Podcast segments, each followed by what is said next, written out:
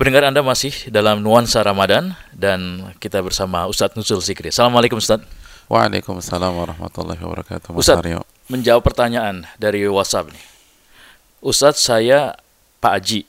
Wah, saya baru saja hijrah dan mengenal tuntunan Nabi Rasulullah SAW. Ustadz. Sallallahu wasallam. Sebelumnya saya banyak sekali dosa Ustadz. Saya ingin sekali menghapus dosa-dosa yang aduh rasanya segunung katanya nih Ustadz. Apakah bisa diampuni oleh Allah Subhanahu wa taala Ustadz? Gimana caranya dan bagaimana memanfaatkan eh, momen Ramadan ini Ustadz? Ya alhamdulillah wassalatu wassalamu ala Rasulillah wa ala al- Alhamdulillah wassalatu wassalamu ala Rasulillah. Eh, Mas Aryo dan Pak Aji ya, Iya, dan Pak seluruh pendengar El Sinta di mana pun Anda berada. Kayak ini banyak eh, apa namanya me- mewakili pertanyaan banyak Iya. pendengar nih Ustadz. Eh, merasa banyak dosa itu positif Mas Hmm. Aryo dan Pak Aji. Justru yang bahaya kalau orang nggak merasa berdosa. Dan merasa nggak berdosa itu dosa tersendiri juga. Gitu Ustadz ya? Iya, karena dia berarti ujub sama dirinya. Oh iya betul. terpukau dengan kehebatan dan merasa diri bersih. Sedangkan Nabi mengatakan kullu bani Adam khata. Setiap anak Adam banyak sekali melakukan kesalahan. Wa khairul khata'ina tawabun. Dan yang terbaik di antara mereka yang banyak kesalahan adalah orang yang paling banyak bertaubat. Untuk hal ini, untuk Pak Aji, saya pastinya Mas Haryo yang dan kita semua yang banyak dosa. Ada sebuah hadis yang dikeluarkan Imam Tirmidzi yang akan membuat kita termotivasi, yang membuka pintu harapan di hadapan kita. Ketika Nabi SAW menyampaikan bahwa Allah berfirman, Ya benar Adam, wahai anak Adam, kata Allah, Innaka law ataitani biqrabil ardi khataya. Ya benar Adam, law balagat dhunubuka ananas sama, thumma stagfartani ghafartu laka.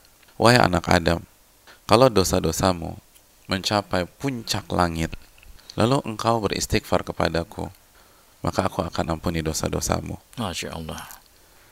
Tadi gunung, Mas Aryo. Iya. Ini atas puncak Lebih jalannya. dari gunung Ustadz lebih ya? dari gunung. Ya benar Adam. Allah kembali memberikan harapan kepada kita. Inna kalau ataitani biqurabil ardi khataya.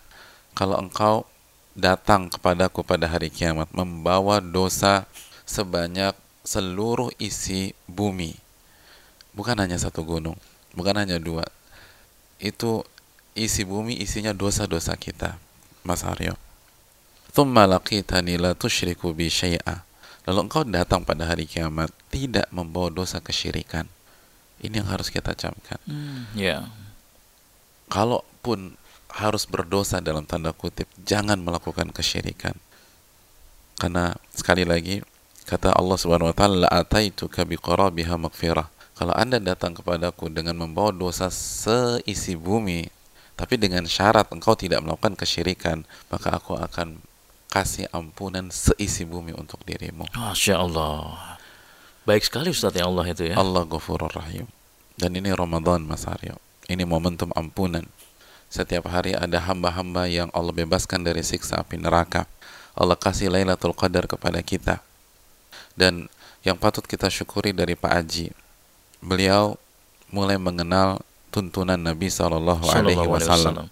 Dan untuk orang-orang yang berusaha mengikuti tuntunan Nabi Shallallahu Alaihi Wasallam, ada kabar gembira dalam surat Al-Imran ayat 31. Allah berfirman, "Qul in kuntum tuhibbunallah fattabi'uni yuhibbukumullah wa yaghfir lakum dzunubakum." Wahai Muhammad, katakan kepada hamba-hambaku, jika kalian cinta kepada Allah, fattabi'uni, ikutilah aku, ikutilah Rasul, ikutilah bagaimana Nabi beriman, bagaimana Nabi beribadah, bagaimana Nabi beramal soleh, bagaimana Nabi berakhlak. Yuhibbukumullah, niscaya Allah akan mencintai kalian. Wa yaghfir lakum dzunubakum dan Allah akan mengampuni dosa-dosa kalian. Jadi dengan mengikuti tuntunan Nabi Shallallahu Alaihi Wasallam, Sallallahu alaihi wasallam. maka secara otomatis Allah akan ampuni dosa-dosa kita. Allah akan ampuni dosa-dosa kita. Dan mungkin ada yang bertanya tadi, Ustaz, tapi saya dulu pernah melakukan kesyirikan. Mm-mm. Terus gimana? Dosa saya diampuni apa tidak? Dosanya pasti diampuni jika kita bertobat kepada Allah. Kalau dosa syirik nggak diampuni, jika pelakunya sudah bertobat, maka buat apa Nabi berdakwah kepada orang-orang musyrik Quraisy.